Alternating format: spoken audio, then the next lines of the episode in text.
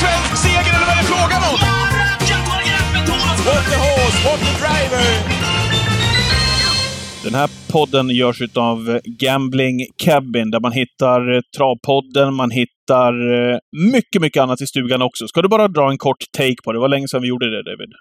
Mm, Gambling Cabin är alltså ett spelcommunity. Det finns ju en grupp på Facebook och eh, ja, det är ju mycket andelar till Svenska Spels produkter ska man ju säga då. Stryktipset, Europatipset och så vidare. Och det är ju andelar utan 10 påslag. Så att köper du en andel för eh, 100 kronor så går 100 kronor till spelet så att säga. Utan det finns inga påslag på andelspriset som det är på travet. På travet finns det ju bara en finansieringsmodell för de som säljer spel och eh, där är det ju 6% påslag på andelarna. Eh, som är liksom branschstandard för butiksandelar. Men det gör alltså Gambling Cabin inte på eh, sportsandelarna. Eh, sen är det ju ett spelcommunity med massa annat speltips och så vidare och så vidare. Mycket poker, eh, det är några resor, det är träffar, träffar ska jag inte säga, det är spelstugor ibland. Mm. Så att ja, är man sugen på det så kan man gå in på, på Facebooks, Facebook-hemsidan då på, på Gambling Cabin och du och jag kör ju travdelen med Twitchen på lördagar 13.00 och den här podden bland Just annat. Det. Mm. Just det som är travrelaterad och V75 är ju spelformen vi pratar upp också. Gärna lägger ner oss och delar med alla andra som följer både Travpodden och oss på Twitchen på, på lördagar. Jaha, ny vecka. Eh, vi kör V75 nu på lördag. Vi kör Twitchen precis som vanligt. V75 som gick i lördags då. Eh, mm. Dina tankar kring det? Jag var på plats ju. Ja, just det. Mm. Hur, eh, hur var stämningen? Eh, stämningen var bra tycker jag. Ehm, det var ju trevligt. Ehm, väldigt vänliga människor generellt sett. Jag var där den här tävlingsdagen förut också, eller på, på söndagen och då tyckte jag maten var klart svag. Ehm, mycket bättre i år. Jag messade det till, till ansvariga på banan och de, ja, men de svarade att de har maten i egen regi nu och eh, de är glada att den var förbättrad. Det hade mm. man inte i fjol. överlag. Sen så är det så här att jag, jag upplever det och man blir bortskämd men trav Alltså, ska man se loppen så är det nästan bäst att se på TV. Eller på Solvalla. Skillnaden på Solvalla mot andra banor det är att där jag sitter på Solvalla i kongressen, den byggnaden är ju relativt sett mycket högre än alla andra restaurangbyggnader som finns i Travsverige. De är ju mycket lägre vilket gör att på kongressen kommer man väldigt högt upp. Så där ser man väldigt bra. Men eh, jag kan inte säga någon annan bana i Sverige eh, där man ser bättre än på TV utan jag upplevde när jag lämnade Sundbyholm i, i lördags, hade haft en grym dag, att jag var tvungen att se om loppen för jag såg inte allt som hände. Nej. Uh, nu är ju inte de anläggningarna heller, de är ju... När de byggdes så byggdes de. och de kanske inte byggdes med alla vinklar och vrår rätt mot banan så att säga. Utan det Nej väl, men så är det. det finns väl också, vi, vi, kräver väl en liten annan upplevelse idag kanske än när ja, de men här så är det och det är en av anledningen till publikfallet. Jag menar att åka på trav och, och betala vad, då, vad det kostar med att käka och så vidare och, och se sämre av loppen. Det är ju inte så kul. Utan uh, går man på trav i första hand så är det för att träffa likasinnade och, och stämningen och så vidare. Det känns ju som prio.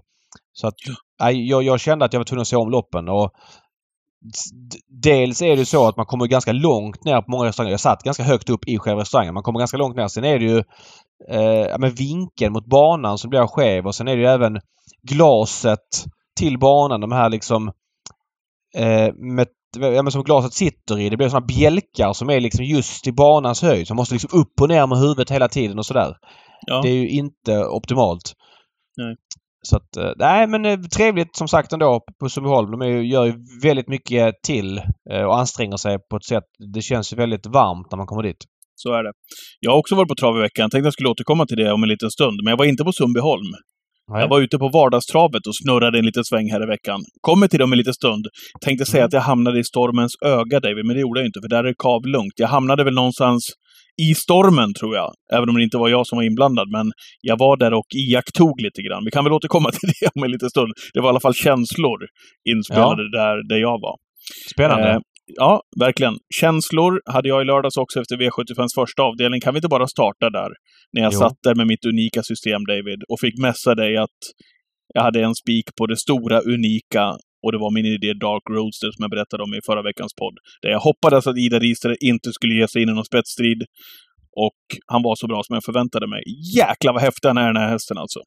Eh, så är det och han fick ju ett väldigt bra lopp ska sägas också. Det blev ju nästan Ja, fast han gick bättre ut utvändigt ledaren eh, på bortre lång också. Och fick liksom... Det var Ja, inte draghjälp till 150 Nej, kvar. Men, men han kände nog ganska snabbt att han kopplade grepp på Chapuis som inte har visat form på väldigt länge. Där var det spekulationer i att Chapuis med loppet i kroppen skulle vara mycket bättre men han var totalt iskall. Eh, jag vet inte om Chapuis kommer tillbaks. Det kanske han gör, det vet jag inte. Men han är nio nu, fyller tio vid årsskiftet. Uh, han hade en härlig vinter Chapuis och jag tillhörde förespråkarna för att han skulle få sista platsen till Elitloppet. Just eftersom det var Åke Lindblom och Åke Lindblom aldrig hade varit med i Elitloppet. Jag tyckte att de övriga som slogs om den sista platsen liksom inte tillförde så mycket sportsligt.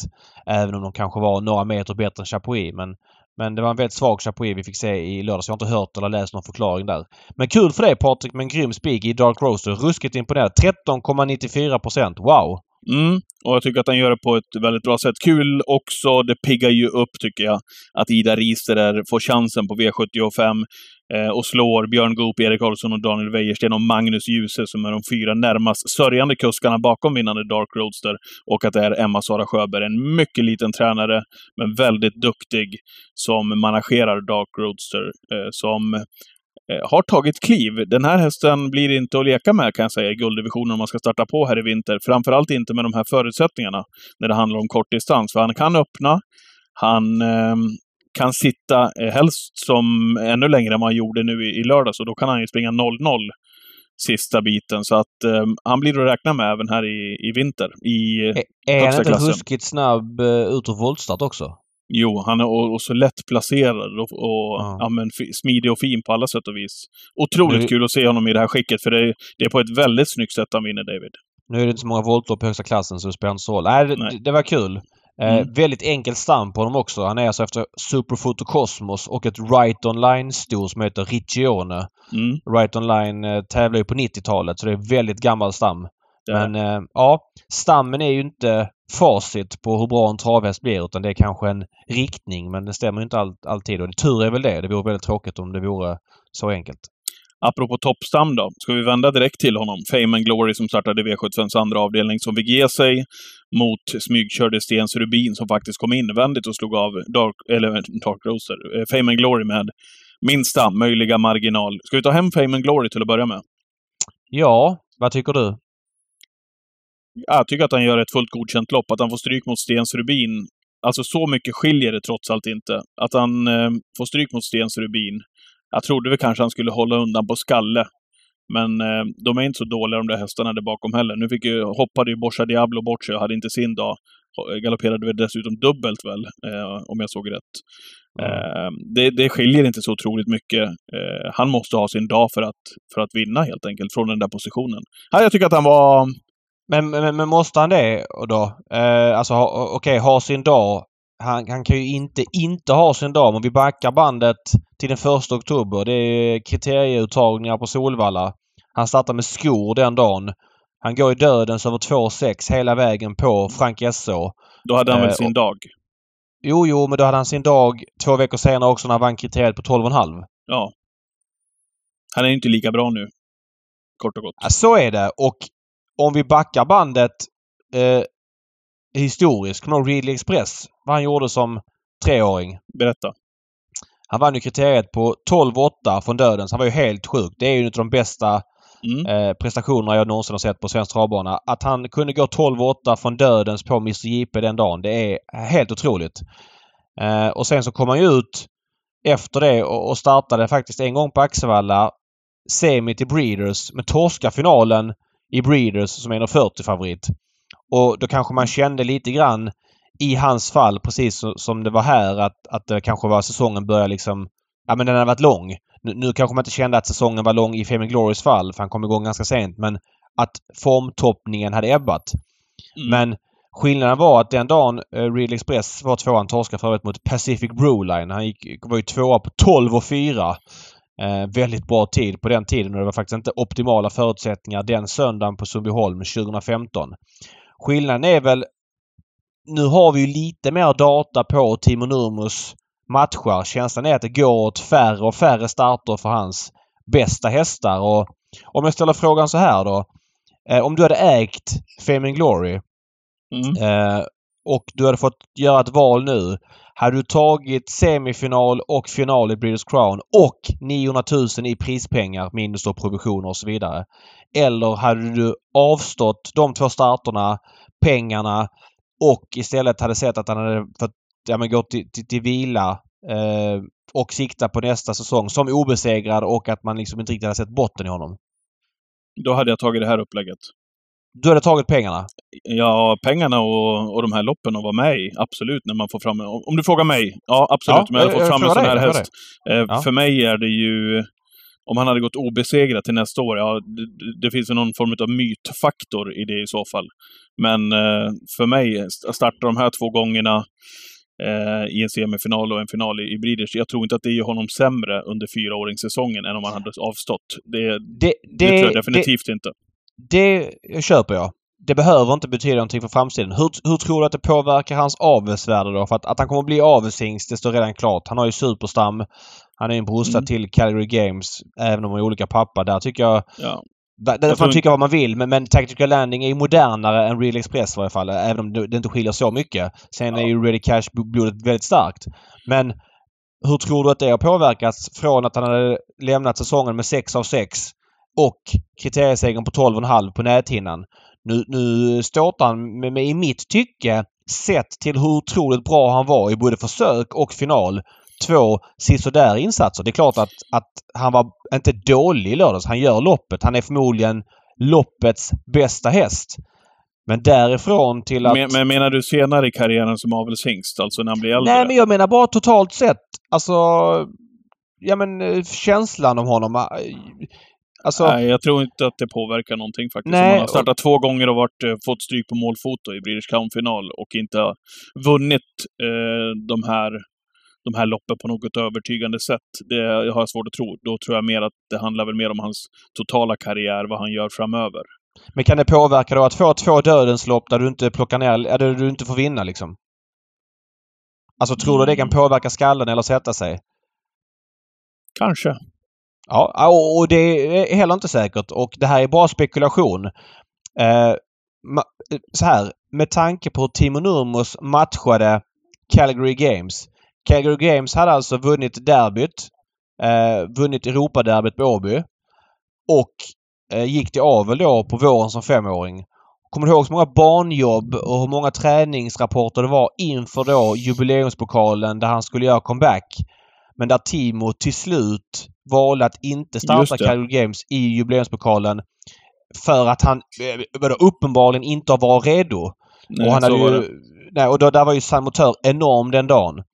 Jag menar ja. bara på... Alltså, där var ju Timo rädd om... Timo med all rätt Alltså hade man, jag vet inte vad hade Calgary Games då? Var det 9 av 9 tror jag han hade? Mm, eh, just det, när han, eh, när han laddades upp inför femårssäsongen. Det är det vi pratar ja, om. och han gjorde en start som han vann på vallan och sen Nordinlopp. Och sen så gjorde han då starten i, mm. i Prix de Nord på, på julafton när han floppade. Eller galopperade. Jag menar bara på att den matchningen med en obesegrad häst. Det, det, det är en annan typ av matchning nu. Så är det ju. Alltså... Ja, absolut. Sen tror jag inte... Ja, vi, vi, vi får, det får vi aldrig svar på. Men jag tror inte att de här två starterna kommer honom att göra Fame and Glory till en sämre eh, häst på tävlingsbanan som fyraåring än om han hade stått det, över det, de här två. Det, det tror nog, inte jag. Så är det nog, men det har gjort ändå att han har visat begränsning som treåring. Ja, och sen Låt vara att han inte har samma form som han hade Nej, och den här, spe den här spekulationsfaktorn är ju viktig också. Alltså om man bygger myten och travet, hur bra är han? Har han nu har fått eh, kronan på svaj?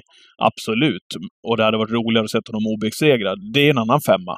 Men jag tror inte att det, att det har gjort hästen så mycket sämre om man... Nej, och det är, inte, det är inte min tes heller. Men det har också gjort att hästen har synats på ett sätt som gör att han eh, ja, men inte känns lika spännande som man hade gjort. Sen samtidigt ska man hylla att hästarna startar. Så det är en, det är en mm. komplex fråga. Nu resonerar vi runt en treåring som för två och en halv vecka sedan kändes som en av de bästa vi har haft i Sverige som treåring. Med de här två starterna fortfarande jättebra men det är klart att han sjunker några procent. Men 13,5 från dödens kan han inte i lördags. Det, det, är ju det är ju ganska långsam segertid också ska vi säga i det här. Jag tycker det är spännande. Jag ställer frågan så här till er då. Tror, ja. du, tror du hästen hade gjort de här två starterna om Timo hade ägt honom? För nu är det ju Stefan Lundborg med sin pappa Folke Lundborg som äger den. Jag sa ju tidigare för ja. något avsnitt sedan stall Sofo att det var South of, of Folkungagatan. Men det betyder alltså. Stefan och Folke. Ska mm. sägas. Det var en bra teori annars du hade där. Ja, men skit i det. Men tror du att han hade startat om Timo hade ägt honom? Ja, men det är ju superhypotetisk fråga. Uh, då skulle, uh, tänk dig så här då. Timo äger ju halva Calgary Games som är en direkt konkurrent i aveln till Fame Glory. Uh, ja, återigen, jag, jag vet inte. Jag har inget svar. Jag, jag kan inte säga. Men team, nu, nu, vet jag inte om det finns något avtal att, att eh, provisioner i avlen framöver och så vidare. Men Timos sätt att tjäna pengar på en häst som man inte äger själv, det är att det springer in pengar ju. Timo har ju mm. fått provision på de 90 000. Det är ju ganska mycket pengar liksom. Mm.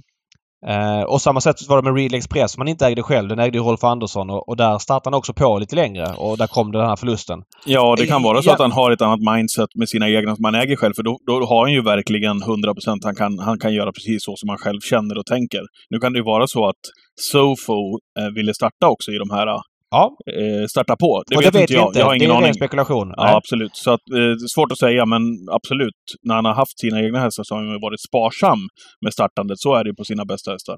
Ja men precis och framförallt då blev Calgary Games någon form av modell för hur det var. Han hade alltså startat 9 av 9 när han vann Europaderbyt. Sen kvalade han den 2 november 2022. Alltså mer än ett år. Ett år och en månad innan starten innan. Då hade han ju verkat som avelshingst. Och sen så startade han den 12 december på Solvalla förra året när han vann eh, var det Gösta Nordins lopp tror jag det var. Mm. Och sen julafton då. Jag menar att han drog sig väldigt långt från att starta Calgary Games. Han ville väl förmodligen inte... Alltså den var obesegrad. Det är klart att, att det hade varit en liten extra fjäder i hatten om han hade fått bli obesegrad. Nu blev han ju inte Nu torskade han ju till Nordeborn. Eh, och det gjorde ju inte honom till en sämre avelshingst. Men jag bara säger res resonemanget. Det är en så pass spännande häst, Fame Glory, så att man... Eh, ja men... Man har ju väldigt höga tankar. Jag har det i varje fall. Och därför är det ja. kul att resonera om de här. Ja, verkligen. Ett, ett, ett sista case på det. Det, det var ju mm. William som Timo eh, också ägde själv. Ja. Och William vann ju kriteriet. Han vann ju på 12 blankt. Det är den snabbaste segertiden någonsin i kriteriet. Han vann 1 oktober eh, 2017.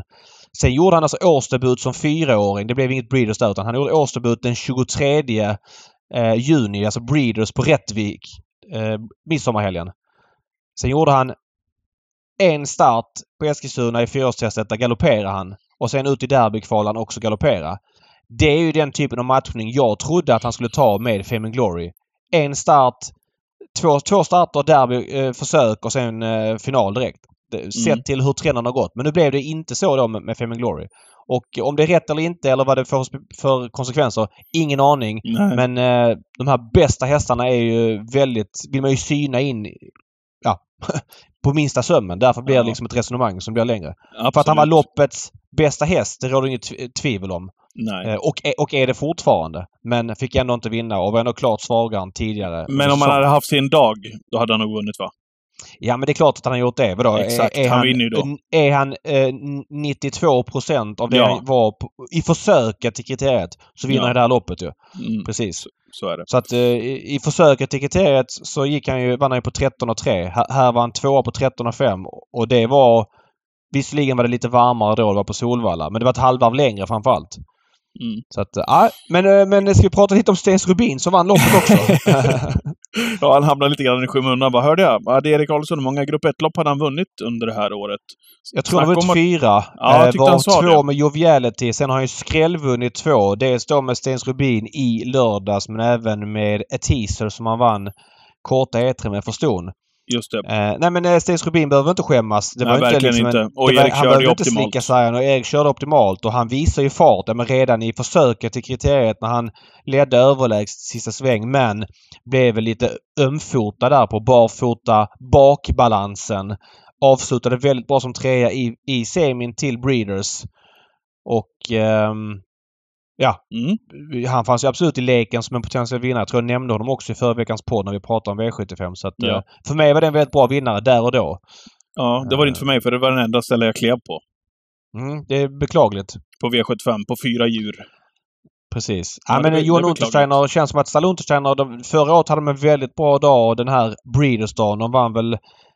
Tre? Eh, två tror de vann och så var de tvåa i ett. Med Denzel Brodde och sen så var den här Stensmärren var tvåa också. Och så vann de med något sto också. Jag kommer inte på vilket sto det var nu. Jag står helt still i huvudet på mig. Men så att äh, återigen en, en framgångsrik äh, säsongsavslutning för unghästarna för Stalla Untersteiner. Ja. Vi kommer strax till Conny Lugauers dubbel som han tog utanför äh, Breeders-finalerna. Äh, Jörgen Westholm vann med Queen Belina också som var tillbaka i sitt rätta jag. Mm. Henne rankar jag kraftigt faktiskt. Jag hade svårt att se att hon skulle ta sig till ledningen och därmed vinna. Men hon Ja, det var lite spekulationer där. Hon var ju lite sämre i derbystot som hon torskade från spets. Och sen så var det väl okej okay. senast på Solvalla. Hon torskade också för ledningen då. Till hennes försvar senast var ju att hon inte hade startat sen derbystot så det fanns ändå leken att hon med det loppet i kroppen skulle vara bättre. Och det var hon absolut. Hon kom ju till ledningen och vann ju väldigt säkert. Och mm. kul också att Westholm körde själv. Han brukar ju leja bort styrningarna när det är de här större loppen. Men nu valde han att köra själv. Jag gissar att det var för att Örjan valde att köra Cabaret Artist och det gick ju bra för Westholm. Hon pep till, spets och vann ju ganska enkelt faktiskt. Ja, hon var fin. Eh, Robin Backer vann med Esther Daily Day också. Eh, mm. Som stor favorit infriade Backer eh, favoritskapet. Vann före Adriatica och Ninetta Boko. Ja. Eh, hon var väldigt bra Esther Daily Day. Jag, jag trodde faktiskt i somras där hon vann ju något lopp Åbergskvällen va? Så var ju känslan att hon, hon, fick det på läppen där. Det var väl någon häst som... Hon fick ryggledaren och någon som galopperade i spets så skulle han bara köra rakt fram. Jag, jag minns inte exakt men, men det var en fördelaktig löpning och känslan var att hon, hon, de hade kommit ikapp henne. Men så var icke fallet. Hon fortsätter utvecklas och är, är väldigt bra. Eh, startsnabb, travsäker och sådär. Så att, äh, häftig häst. Eh, de är duktiga på att ställa i ordning också, holländarna. Ja, eh, verkligen. Uh, ja, men det stämmer. Eh, jo, hon vann där Åbergskvällen. Hon vann ju för Eros Jet och Everything Be, två Gocciadoro-hästar där. Uh, tillsammans med Backer, ja. Uh, sen fick vi också då i V75-avslutningen. Jag måste, jag måste vika in kepsen här, David. Uh, jag hade en vi hade en ja. diskussion, en dialog med några stycken på Twitchen i chatten i lördags. Mm. Eh, nu fick vi inte syn på Miro Boko. Det ska först strykas under. Eh, det Magnus inte ens brydde sig att köra, för han eh, hamnade ju helt fel på det och blev ju dragen bakåt. Så vi fick aldrig se Miro Boko vad han kunde i lördags. så det ska sägas. Men jag ska också eh, säga att jag inte trodde att Fair Day var så där bra. Det var ju, det, det blev ju... Inte, det, snackisen är ju inte att oj, hade Mirobuko bara fått luckan så hade han kunnat utmana. Utan det var ju Nej, din idé inför loppet ju. Ja, det var det, och det var därför vi snackade om det. Jag sa ja. att jag tror inte att Mirobuko är sämre än Fair Day. Nej. Eh, sida vid sida. Det var det som var snackisen. Men att The Fair Day är så här bra, det var, vart ju lite trend på honom. Det var snack kring honom men eh, jag måste säga det att sättet han gör det på eh, och som han ser ut sista 300, det är... Ja, han, är han är mycket bättre än vad jag trodde. Det, var, det är bara att vika in, vika in hovarna där. Och en väldigt bra story. Fair Day eh, tränas av Elisabeth Almheden, amatör från Kalmar. Eh, Oskar Ginman, det är ju inte den mest frekventa V75-kusken även om jag tycker att han är lite underskattad. Mm. Hästen bombar till spets för han gav, på... Han gav, han gav eh, klartecken också på, ja. på, på honom. Han var väldigt tydlig vad han trodde om möjligheten. Ja. Vilket är uppfriskande. Ja men så är det. Vinner på 11,5 på ett mersmakande sätt. Jag menar Bedazzled Sox som var loppets tredjehandare fick ett perfekt lopp i rygg på honom och lucka och allting och var inte ens nära att utmana. Star McCrow favoriten. Ja, var ju 40 meter sämre än, än gången innan. Han är, kanske har blivit något lopp för mycket i dödens för honom. Det är ren spekulation men... Det var, det var väl så också eh, med tanke på resan som blev för Star McCrow. Rickard sände fram Star McCrow och så sitter ju då Magnus Djuse med Miro Boko och ser eh, draget och får andra ytter och tänker här sitter han ju i en smällfin rygg.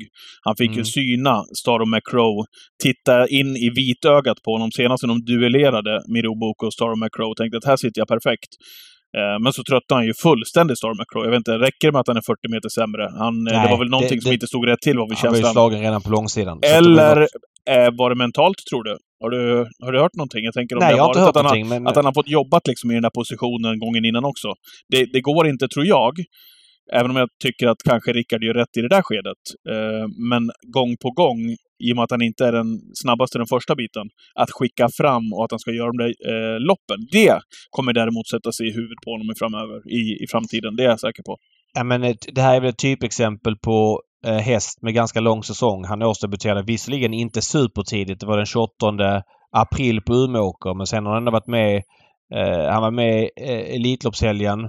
Eh, startade ett lopp där, 100 000 kronors lopp och sen så eh, vann han ju Prix Real Express som han var väldigt bra i. Sen har han varit ute i Sprintermästaren. Sen har han varit ute i derbyförsök. Sen har han varit ute i Europaderbyt, försök final. Det är klart att han har varit ute på mycket och det är inte osannolikt att, att säsongen skulle ta ut sin rätt. Sen blir det väldigt i ögonfallande när det blir från ett lopp till ett annat. Han är enorm bara i försöket och vinner från dödens där mm. hur bra som helst med, med oryckta tussar eller vad det är eller om det är huva. Och sen två veckor senare är han liksom stenslagen. Uh, ja, vad blir det? Ja, men så är det. 500 kvar. Så, ja, ja. Han, var inte, han var inte nära prestationen nej, nej, som han gjorde i kvalet i alla fall. Eh, men, men det kvarstår dock att jag tror inte att Mirren är så mycket sämre eh, än Fair Ja, det, det, kommer du nog eh, Få äta upp kanske. Att han är, ja. Det, det, tror jag nog. Men det är kul med åsikter och oliktänkande. Det är det travet bygger på. Så du får ju hålla den, den linjen ett tag till i varje fall. Mm. Jag får göra det. Konrad Lugauer har bra form på stället, David. Han vann ja. både Ferrari Sisu som eh, bara var bäst efter det där loppet också. Eh, då visade han ju klasset eh, verkligen i långloppet. Och Declan vann han också med. Precis. Vi snackade en del om Konrad och hans ehm, eh, utskällning av Magnus och Djuse på upploppet på Solvalla förra onsdagen. Konrad som var faktiskt ute lite i, i hetluften igen i fredags på lunchtravet på, på Sundbyholm. Han var väl först över mål i något lopp tror jag. Ska vi säga jag, jag, jag såg bara intervjun. Men jag eh, måste dubbelkolla det. Men han blev diskad och var helt tokig. Eh, var han i intervjun och hade någon teori om att domarna på Sundbyholm inte gillade honom. Eh, jag måste dubbelkolla vilken det var för jag får inte, får inte slänga mig med gissningstermer när det gäller. Nej, det går inte. Nej. Eh, tränarstatistik ska vi se här. Sundbyholm. Eh, precis. Diskad med Global Eye Catcher. Eh, ja. Och han var först i mål där men han var helt vansinnig i alla fall. Ja, och var inne på att, på att domarna hade någonting emot honom. Så åkte jag på en omstart också med Ferrari Sisu där jag tänkte när han stod själv längst bak. Ja. Tänkte att det skulle brinna av för honom, men han, han, var, han var för tidig över linjen där. Den hästen kan nog tjäna några spänn i vinter. Ja, Ferrari Sisu. Vad fin han var. Ja, verkligen. Och han var ju också ett exempel på, om vi pratar om Chapuis, med en häst som hade lopp i kroppen och då förväntade sig mycket bättre. Det hade ju åttaåriga Ferrari Sisu hade samma sak. Han hade ett lopp i kroppen. Genek körde det var faktiskt ett märkligt lopp där han blev het och ute och vinglade i spåren och så vidare. Och, och, och, var slagen tidigt då men nu hade gått framåt rejält med det loppet och var bara bäst i, i det här stegloppet. Mm. Han har bra, bra form på, på grejerna. Ja. En, ja, eh, var det det du hade ifrån... Eh, förresten, kortis bara. Bengan, varför hoppade han? Eh, mässade med Björn efteråt. Björn skrev att eh, han, han hoppade väl typ innan bilen släppte eller strax ja, efter? Eller var det... det var precis. Jag kan citera mm. det smset för det var inget, ingen känslig info där. Utan Björn skrev att tappade balansen över doseringskanten och slog ihop. Borde klarat av det men bara hoppa rätt upp. Ja. Okay. Det är ju sånt som händer i trav. Um, mm. Det är klart vad ska man säga, det är tråkigt när det händer men en del av travsporten att hästar galopperar och det, så det är som det är. Det kommer hända fler gånger. Så det är bara i det läget. Ja, Pallar man inte det får man byta sport. Ja, det får man. Men det, men, men, det, men, det, men det är ta mig fan det tråkigaste som finns som hästägare också. När de hoppar i starten. Man inte ens får, får vara med. Man vill i alla fall få vara med i tre minuter. Ja. Nej men så är det. Så är det. Jag eh, ska säga någonting om 7 rätt som gav 629 000 och det är många som reagerat på den här utdelningen för enligt Jokern Jokersystemet så skulle den ge 1,7 miljoner. Eh, det var så att säga kraftigt underbetalt och det var ju någon andelslapp som var varvad rätt många gånger som tog en stor del av potten. Eh, och då säger man, ja hur undviker man att, att det ska hända liksom? Man vill inte spela de raderna som, eh, ja men det blir ju överspelad rad liksom det här. Det är ju väldigt svårt att slingra sig från. Men ett bra vill man minska den risken så är det ju bra att inte spika stora favoriter. Eh, det är liksom ingen garanti. Men att du kan spika, säg Stens Rubin och ändå eh, sitter du där eh, om du sätter den för att den blir en överspelad rad. Men, men många av de raderna gick ju genom Ester Deglidé som dessutom var spik på, på några andels eller heter det, inte andels, eh, speltjänster ska jag säga.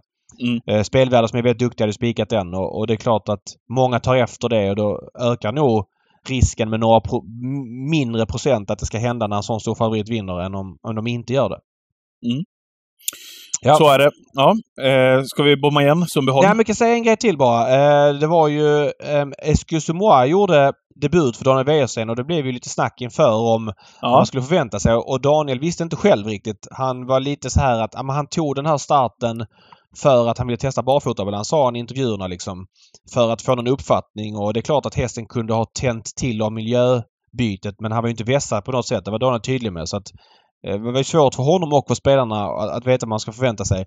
Eh, där gjorde ju Mattias Anderberg, tycker jag, en jättebra intervju med Wäjersten efteråt. Jag menar, vi som älskar att följa V75-tävlingarna, vi gillar ju det här snacket efteråt eh, om när man följer upp historier. Och det är väl kanske ingen som följer upp att andrahandaren Excuse-moi eh, ja, men, var bland de sista i mål liksom.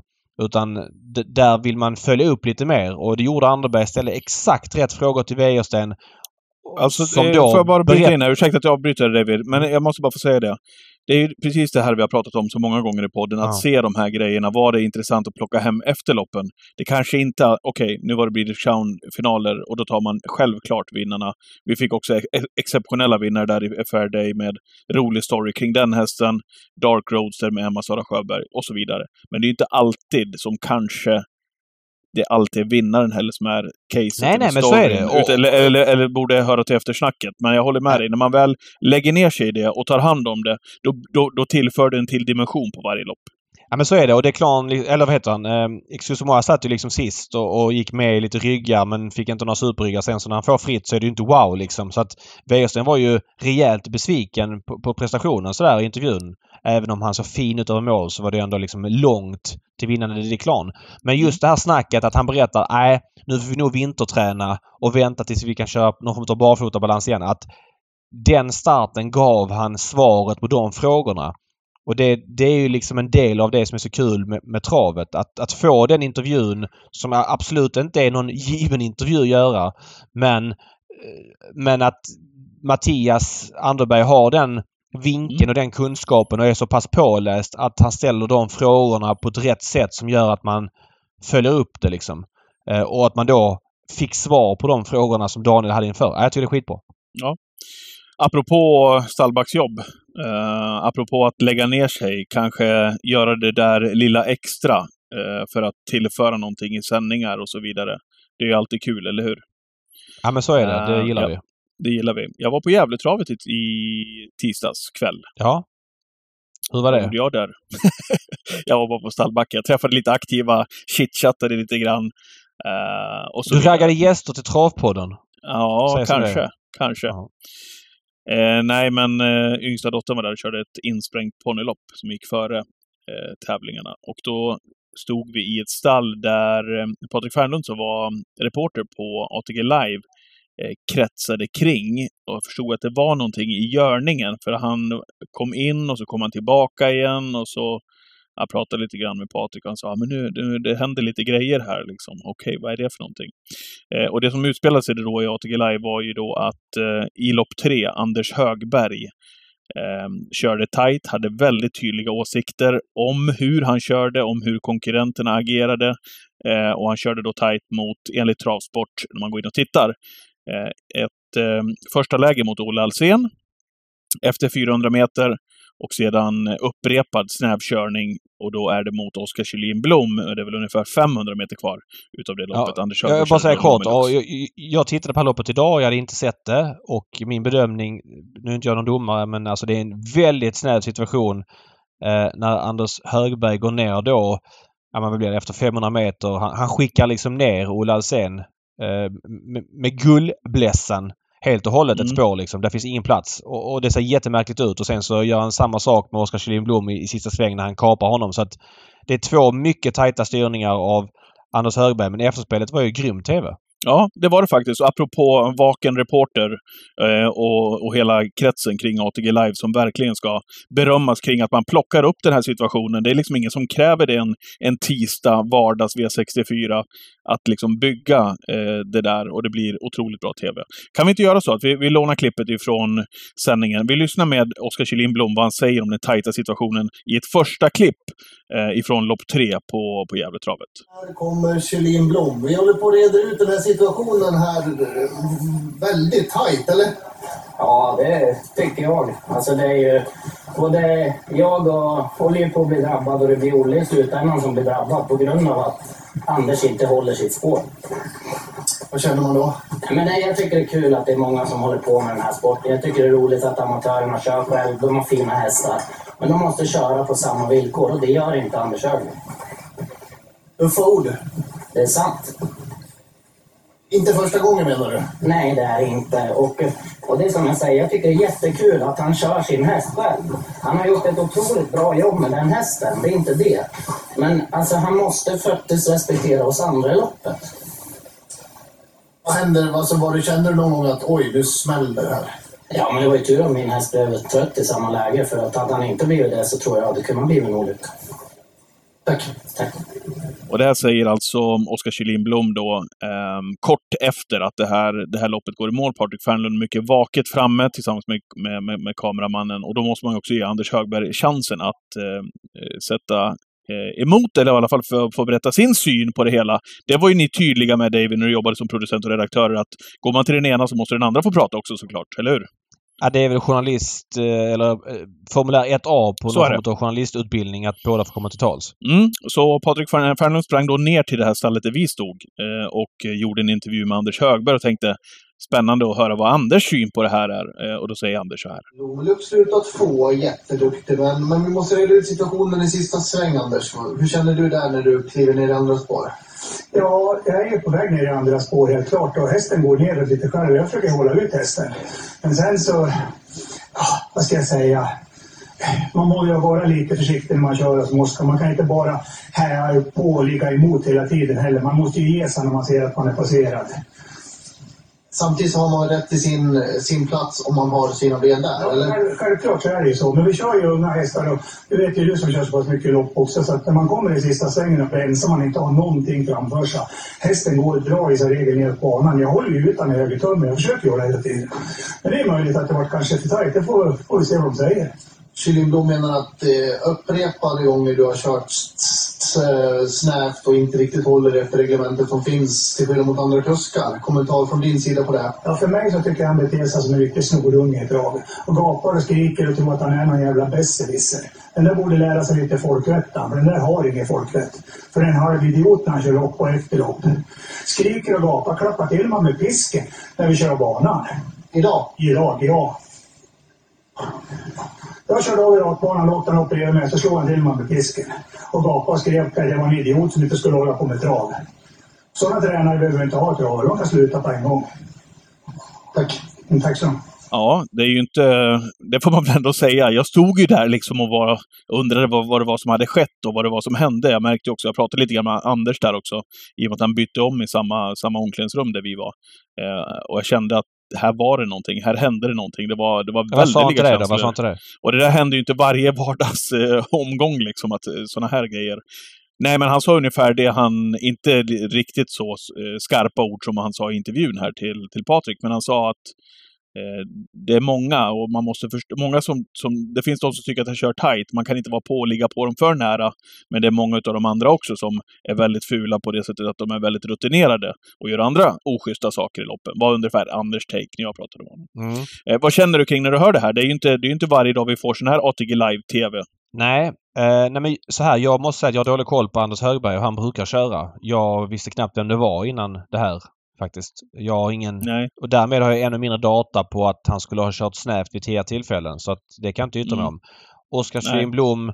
Men det är, skar, det, är, det är skarpa ord där Ja också. men så är det det. där har hänt, Min liksom. bild av Oskar Kjellin Blom som kusk är att han är gasglad.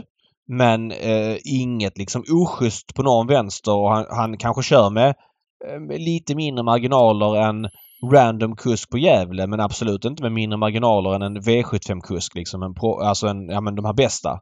Så att jag har Nej. inga synpunkter på honom att han skulle köra ovårdat och så här. Han är offensivt lagd, det är han. Men i inget annat än så. Och honom har jag ändå sett väldigt mycket så att jag har inga synpunkter på att han skulle göra något fel. Men vi får dela upp det här i två olika saker. Dels är det ju det som sker i loppet och här tycker jag att Anders Högberg gör fel. Jag tycker att han vid två tillfällen, man vill nästan höra Olle Alsén också för att han skickar ner honom ett spår väldigt tydligt Ja. efter 400 Vi, meter. ja, och vi, vi kanske ska säga det också, att bestraffningen ifrån loppet, Anders Högberg, 2300 kronor avstängning för upprepad snävkörning och, och eh, upprepad snävkörning, då är det alltså mot Olle Alsén i första läget och Mm. Oskar Kyllinblom i andra. Sen Så han fick ju böter för det här också, Precis. så att eh, domarna delar ju dina tankar där. Precis. Och sen så kan inte jag bedöma den här grejen att Oskar ska ha slagit honom pisken. Det är ju ingenting vi, ser i loppet utan det här ska ha skett efter loppet och det finns inga bevis på det här. Så den Nej, grejen... och därför, vad gjorde Fernlund då? Ja, vad gjorde han helt då? rätt. Han pratade med Oskar Kjellin igen. Ja, och då lät det så här. Kjellin Högberg Gate är då återkopplat till. Anders Högberg fick ju svara på ditt. Rent journalistiskt så måste ju alla få säga sin sida. Hårda ord från han, du har inte folkrätt och du drog till han med pisken efter mål när ni körde av banan. Du måste svara på det, Oskar. Ja, att jag inte har folkrätt, det får stå för han. Men eh, det är klart att jag blev arg och frustrerad. Jag brukar oftast hålla mig samlad, men jag tycker att någon gång så måste han också acceptera att eh, han måste se hur han kör. Det gör vi andra och det är klart att det händer tajta situationer i loppen. Men jag tycker att det uppstår lite för ofta med han och när jag körde av banan, för idag tyckte jag att han körde först eh, tajt i första sväng, vilket han ledde ut jättebra och det ska han ha cred för. Sen så kör han eh, tight tajt ner bakom mig som det lät, för jag hörde att de skrek då. Och sen så kör han tajt på mig igen, 500 kvar. Och eh, idag liksom tappar jag tålamodet och det händer i ren frustration över att man är en tävlingsmänniska. Eh, och när jag körde av banan så körde jag kapp Högberg och så viftade jag med handen så här och sa att nu får det fan räcka. Du måste också lära dig att se vart du kör. Men att jag slog honom med pisken, det köper jag inte. För det gjorde jag inte, men han kanske upplever det så. Men jag var arg och jag sa att du måste också faktiskt se vart du kör någonstans. Och han påstår att han inte körde snett.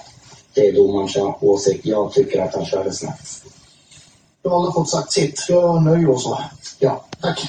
Ja, men eh, där fick också då Oskar Kylinblom ge, med sin syn vad som hände eh, efter lopp tre där på, på Gävletravet. Eh, heta känslor där nere. Eh, och det jag vill lyfta med det här är ju liksom att credda hela, hela produktionen, hela ATG Live-produktionen som eh, ger tittaren det här, vad som faktiskt händer och vad som kan hända, att det blir känsloyttringar. Och jag har ju sagt det förut i den här podden oändligt många gånger att jag tycker också att det är uppfriskande att det händer saker. Sen får det givetvis vara på en viss nivå, men att det körs i loppen, att det kan bli fel eh, och så vidare. Det, det måste få ske. Sen ska det vara på, eh, på, på rimlig nivå, det som sker efteråt givetvis. Men det, det är schysst av ATG-produktionen tycker jag, och hela det teamet som jobbar med den här sändningen, att ja, men, ta upp det här och fortsätta jobba och inte göra det enkelt för sig. Och det här hade inte ens märkts, utan det här är någonting som ja, men verkligen ger bra TV och väldigt bra content i ATG Live. Bra jobbat hela teamet måste jag säga. Ja men framförallt är det bra jobbat av Fernlund för det är han som ska ställa de obekväma frågorna och han som ska vara där liksom. Så att om inte han vill så är det här en grej som lätt kan rinna ut i sanden och inte bli någonting. Så Ja, men så är det. Och, och produktions, produktionen sitter ju, precis, redaktör och producent sitter ju i Stockholm, så de, har ju, de är ju långt Ja ifrån men de har ju... De har bara, centrum. Ja, de har bara en redaktör eh, till den livesändningen och Ja, precis. Och, och det är svårt för den, och det är det jag menar, det är svårt för Min- den som sitter där och plocka upp att- de här. är att, nu vet jag inte vem som var redaktör och, och hade inte hängt ut någon ändå, men generellt sett så är den redaktören inte så aktiv utan det är väldigt ofta upp till reportern vilken Såklart. vinkel som ska göras. Nu vet jag inte Ja, om ja, det var som känner här av det fallet. här och ser Precis. det. Ja. Precis. Mm. Men, men, men utan Fernlund så blir det liksom ingenting. Det blir inte så här bra. Eh, nej, men Nej, jag håller med men, dig. Men, Det- men, men visst lyfter hela Ja, men ATG det- Live-sändningen? ju. Det, blir ju alltså, någonting. Det är klart att vi inte kan ha styrningar i loppen som är osäkra och där man riskerar att köra över andra Ja, men så är det. Och, och det, det, det underströk jag ju också. Men- alltså, det får, Men det är ju viktigt att eh, vi har liksom i de här vardagsloppen att amatörer får köra där också. Eh, på vardagstravet. ja, men det, det, måste, det är väl också eh, pikt? det är väl Jätte, också ja, men så är det ju. uppfrisk- Och den här eh, krocken blir lite av en kulturkrock. Den är ju uppfriskande att se från sidan. Men återigen, det får ju inte ske på bekostnad av att man kör vårdslöst. Så är det ju. Nej, det nej. fick Och, och att det kan bli olyckor och allt det där. Ja. Nej. Så att, ja, eh, bra, Bra- take bra- Patrik. Mycket intressant spaning. Bra jobbat eh, Fernlund och gänget som ger tittarna här tycker jag. Och så stod jag där fick jag ha ett öra. Jag hade ett Du var öra där. mot marken. Otroligt att du var där. Jag var där. Du skulle ha en egen vinkel. Ja, Och den här intervjun gjorde Patrik med Anders Högberg. Ja. exakt. Mm. Ja. ja, det är bra. Mm. Eh, vart går vi någonstans härnäst, tycker Vi du? går till eh, Vincennes. San Moteur gjorde debut i Frankrike Wow. i Prix de Bretagne i söndags. Vad tyckte du om honom? Där, där, kan, där kan väl alla som tycker om trav bara ha en take, eller? Ja, nej men så är det. Han fick ju en jättebra start i volten. Det var ju ändå lite frågetecken. Eller jag hade det. Jag var inte helt säker på att volten skulle gå så bra som det gjorde. Han fick ju en väldigt bra start och efter ett par hundra meter såg det riktigt bra ut. Men sen vet jag inte om det var att Björn var passiv i kombination med att det bara fylldes på i andra spår. Känslan är att man kan liksom tränga sig lite grann på Vincennes och, och komma ut om man vill men det blev väldigt många släpp, filas släpp, ut. släpp, det släpp. Så Björn satt faktiskt sist. Typ 400 kvar vilket kändes helt bisarrt med tanke på hur bra start han fick. Mm. Och sen så avslutade hästen helt formidabelt. Det snackas ju om att det Ja, var sanslöst. 0-1 tempo där på upploppet och Jag kan tro det. Kan tro Han det. flög fram han, som- han, han, flög lågt. flög fram som sexa. Tjänade 26 000 kronor. Kvalar inte in till Prix men eh, det borde vara bra chans att han kommer med på pengar ändå. Jag tror att man kommer göra fler eh, starter i de här B-loppen ändå. Och så är det ju Eh. sån, framförallt en sån signal också att han trivdes alldeles utmärkt på, på kolstybben. Ja men så är det. Så är det. Väldigt häftigt. Jag blir väldigt glad att han funkar så bra. Det, ja, det känns som en nivå upp på Vincennes i vinter med svenska hästar. Nu annonserade Redén idag vilka åtta av hans hästar som är de första som åker ner och Daniel Wäjersten skickar ner till Ton Joda och Great Skills här nu i början på nästa vecka som jag förstod det. Så att ja, det blir många roliga svenska starter. Bengan vara faktiskt med bland de åtta som Redén skickar ner. Det ska bli kul ju. Mhm. Mm. Mm. Där var dock inte Det- Francesco Zet med till min stora besvikelse. Nu är det så att Redén, jag tror han slår 12 boxar så det kan ju vara så att hästar kommer ner senare. Det här är inte något definitivt liksom. Hail Mary var med bland annat på den här listan. Men... ehm, Mm, ska, ska ni testa med Be- Bengan mot Continental, eller? Nej, det tror jag inte. Jag har ingen aning. Men jag vet att eh, man står ganska bra in om man inte har vunnit ett Grupp 1-lopp sista året. Någon, någon sån här propositionsgrej. Finns ju flera Ja. lopp på Bengan. Eh, Han är nog inget ämne för att möta de allra bästa men, men det är kul att se hur han funkar där. Han är ju ganska bra i ryggar och Bengan. Det är svårt att springa ifrån ju. Så jag tror jag att... kan tänka mig också att han skulle... Nu ska vi inte fastna vid honom. Nej, jag, nej, skulle, jag, jag, jag, jag kan tänka mig att han skulle trivas väldigt bra med Det- sin aktion på den Ja banan. men spontant jag också. Eh, så är det. Det sa faktiskt Hultman när jag köpte honom. Det var Hultman som ropade in honom. Då sa han att jag tror den hästen, när han såg honom som ettåring, jag tror han kommer funka väldigt bra på Vincennes. Det är väldigt tidigt att säga det. han, var, han före oss. Han var före oss. Han menade att han hade de um, ex, exteriöra attributen. Men hur som helst så känns det som en nivå upp. Sen vill jag säga en sak till. Jag vet inte om du såg bilderna från uh, Prix de Bretagne. Det kändes som att det var väldigt mycket folk på Vincennes. Ja, det, absolut. Det Ja. gjorde det faktiskt. Hur mycket var det? Ja men och Sulkesport skrev faktiskt om det idag. De hade hän- hänvisat till någon dansk sajt och tydligen gör man någon eh, publiksatsningar ett par av de här söndagarna under vintern. Jag gissar att det är när B-loppen körs. De körs ju på söndagar allihopa och Ja. det var 4000 här dagen förra året och det var 8400 på Vincennes i söndags. Och då ska man veta att jag har inte något koll på snittet men 8400 är en bra siffra liksom. Nu är Paris en väldigt stor stad och sådär så det finns ju många människor att ta av. Men om man bara jämför hur man satsar olika i, i Frankrike. Jag såg någon liten tjej sprang runt där och käkade sådana här sockervadd och så vidare. Det satsar man på i Frankrike på söndagar. Att göra familjära dagar av de här söndagarna medan man i Sverige då satsar på saxtrav. Eh, Jag vet ju att saxtravet har spelmässiga fördelar på kort sikt att det lockar till spel. Det står helt klart. Men på lång sikt i en bransch där vi behöver hästägare och vi vill ha folk som går på trav för att därmed kunna rekrytera dem som långsiktiga spelare och, och Ja. ja. men, köpa deras travintresse. Så är jag helt säker på vad som är rätt melodi av de här två. Ehm, men ja, eh, spännande att se att man kan liksom mer öka publik eh, omfattningen med mer än 100% på så här höga nivåer som vi sen lyckas med i, i söndags. Jag skulle nog vilja- att några från SD åker ner och kollar på hur man gör för att det finns mycket att ta av som verkar bra på Mm.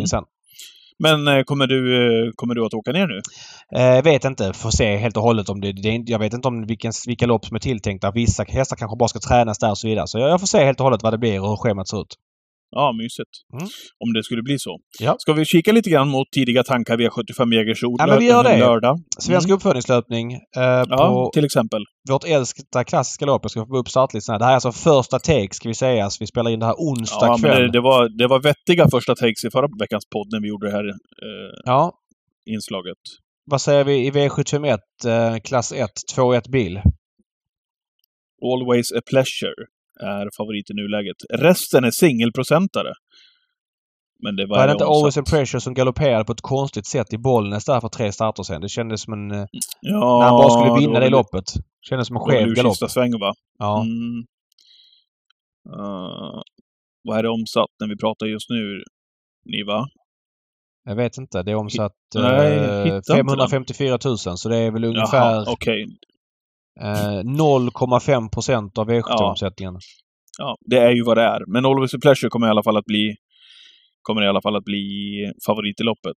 Mm. Jag tycker den här övrigt? Maras är väldigt bra häst. Eh, jag har sagt det tidigare och kommer vidhålla det. Sen om, om det kan gå med, från spår 8 eh, på Jägersro, det, det kanske inte är så. Och vi får se vad han blir spelad. Men jag tycker det är en väldigt fin häst. Eh, Jag vet att Fleming gillar Game on Butcher. Ja. Eh, Håller den hästen relativt högt för klassen faktiskt. Så vi får väl vara lite vaksam på den också. Den här hästen är eh, anmäld barfota runt om som den gick näst senast vid segern på Åby. Mm. Faktiskt. Känns som ett V75 jämnt, så- jä, jämnt lopp där. Vad kul. Ja, verkligen. V75 Galliano Peak fan- körs av Magnus A. Djuse. Körs normalt sett av Fleming. Det känns ju som en kulturkrock mellan kuskar. Det kan ju bli hur bra som helst. Säger jag bara. Spår 12 dock. Ja. Vad, vad konstigt känns sträcken. V75 Jo, det känns jämnt. Ja. Det känns som att många... Ja, V75 andra avdelning favorit på 23 procent. Mia Morebros. Sen är resten singelprocentare här också. Mm. Ja, men det känns lite konstigt och vi får ta det med en jättenypa salt. Ja. Vad Pam- säger du om Mia Morebros som du har koll på? Ja, men det känns väl som en eh, vettig favorit. Var ju ute i Breeders-finalen här. Jag ska säga nu så jag säger rätt. Nej, det var inte alls. Nej, var nej. ute i fredags, va? Ja. Så var det. Så var det. Mm. Eh, hon, Precis. hon var ute i derbystort, så var det. Eh, nej, men hon är bra, men jag kan inte säga någonting som sticker ut just nu. Uh, Japiro Queen, en häst jag gillar väldigt mycket. Springspår känns intressant på den. Eh, sen är det ju ett kraftigt minus för Olga Utka med vanlig vagn och det är allmänt skor också här. Eh, det känns ju kallt Bikana. Wine, Bikana Wine, visserligen nu med vanlig vagn, har gått med bike under, under lång tid här nu. Men Mm. den, eh, hon var ju däremot med i British Ja, finalen nu. Och hon går ju definitivt ner i klass i alla fall, Bikana Wine. Ja, det gör hon. Eh, jag, be, jag betalade faktiskt för henne på något system, där jag garderade rikligt, så att ehm, hon borde väl kunna ha en vettig chans i ett sånt här lopp. Organza är ju en bilföljare i autostart. Eh, känns inte som att hon är samma bilföljare i voltstart. Hon har väl haft spår 4 någon gång i volt. Jag har någon minnesbild att hon hade bakspår i något voltstartslopp i Jägers när Erik körde och hon Okej. tappade rätt mycket från start då. Men eh, ja, det var det. Sen ska det bli spännande att se eh, Kentucky River eh, igen. Vad, Mm. vad har du för känsla kring honom? Han är klar favorit i nuläget i alla fall. Eh, och kommer ju också bli favorit på V75. Mm, en av hästarna... Han galopperade, ju- han galopperade ju direkt i starten, ska vi säga, i, i det, det var väl regidebuten det va? Ja, det var det. En av hästarna som ska med till eh, Frankrike från Daniel Redéns stall. Mm. Ja, det, men det är en superspännande start såklart. Eh, bakspår på Jägers, det är ändå ganska bra hästar han möter. Revelation gör väl andra starten för Preben Sövi, kan hoppa ju i den debuten och sen så vet Vilken knepig häst han verkar vara alltså. Rackham och eh, vinterstarka Four Guys Dream är med. Det blir ingen walk in the park det här för eh, Kentucky River. Han kommer nog behöva jobba. Mm, det kommer han. Men man vill ju tro att han vill- hittar nivå Man till vill tro att han... Ja, ja, det kommer han vara. V75s fjärde avdelning, då är vi framme vid svensk uppfödningslöpning. Förra veckans gäst, det glömde vi att fråga honom faktiskt, Göran Borgås. Han är väl delägare, tror jag, i RK Fade som Mm. startar här. Det stämmer. Eh, Det stämmer.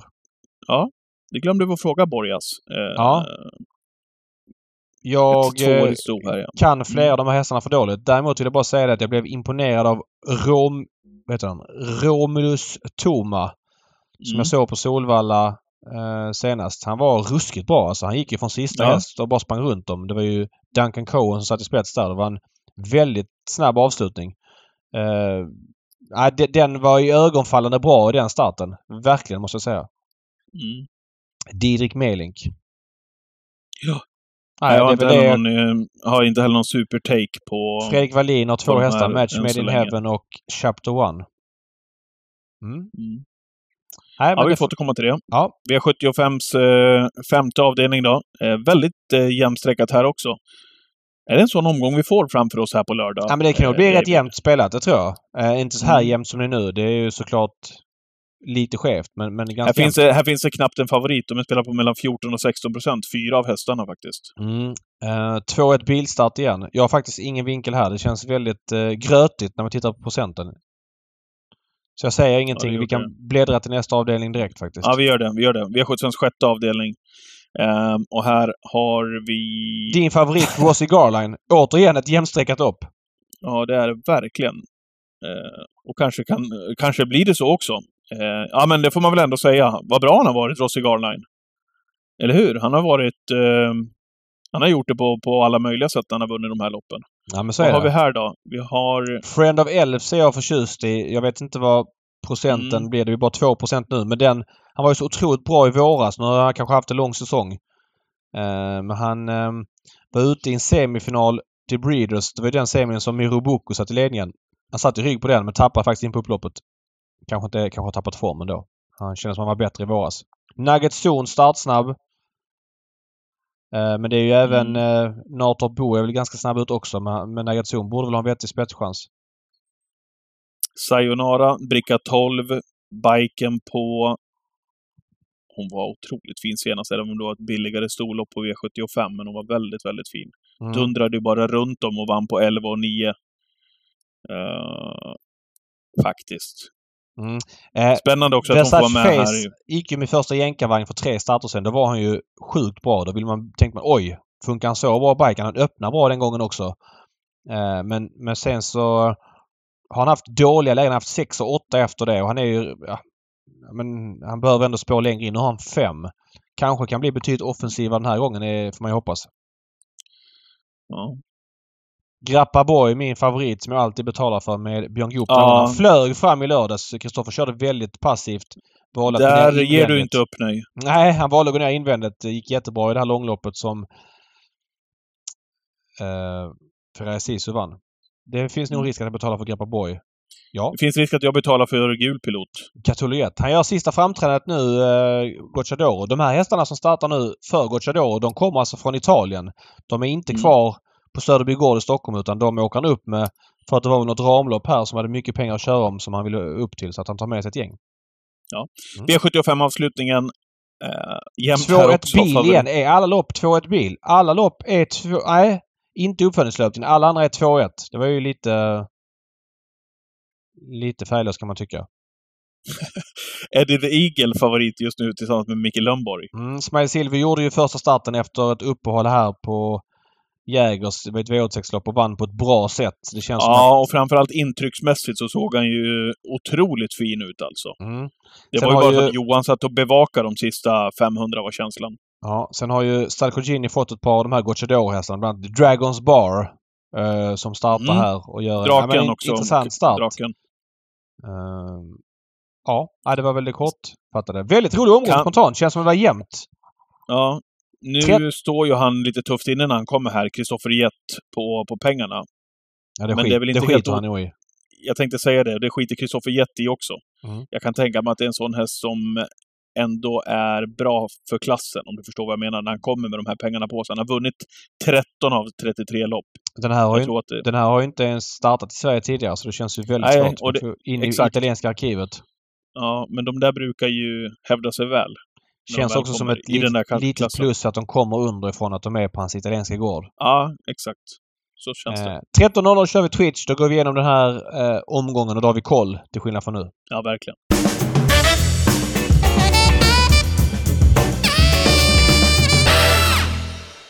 Jag var sugen först att ringa in Göran Borgås här. Tyckte han var fantastisk i det här eh, momentet i den här delen av podden förra veckan. Han fick verka fram. Det var ju kanonhiss där ju. Men eh, vi har inte Borgås med oss tyvärr den här veckan, utan vi får klara oss själva.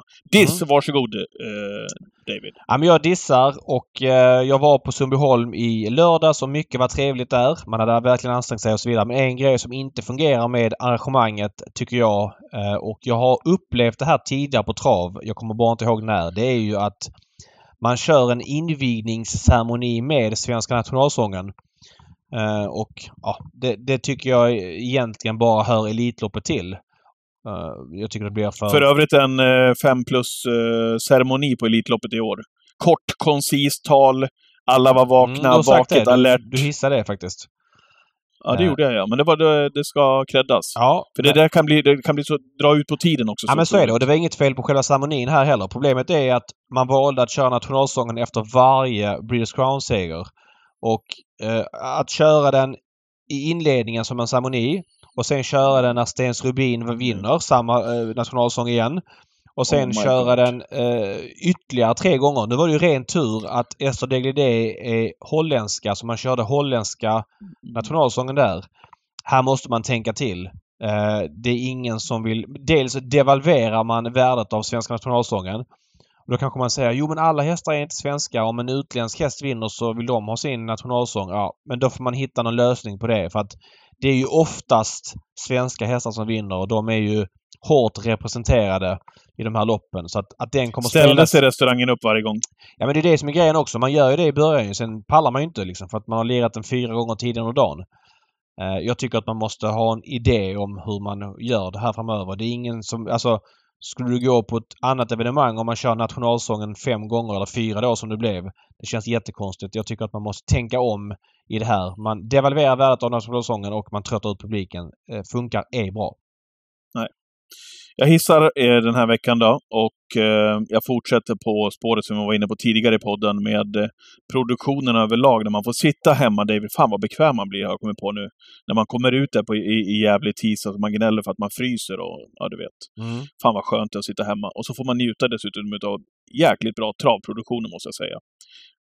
Och, och, jag hade ju inte sett den här grafiken som du pratade om, den här nya grafiken i, i är det i storsändningarna den ligger, va? Den ligger väl både på V86 och V75, väl? Eh, I sändningarna. Är det inte så? Osäker. Eh, hela, he, he, ja, precis. Men hela studion är i alla fall helt ny. Ja, ja, du, ja, du menar eh, den virtuella studion? Stor. Absolut. Ja, precis. Ja.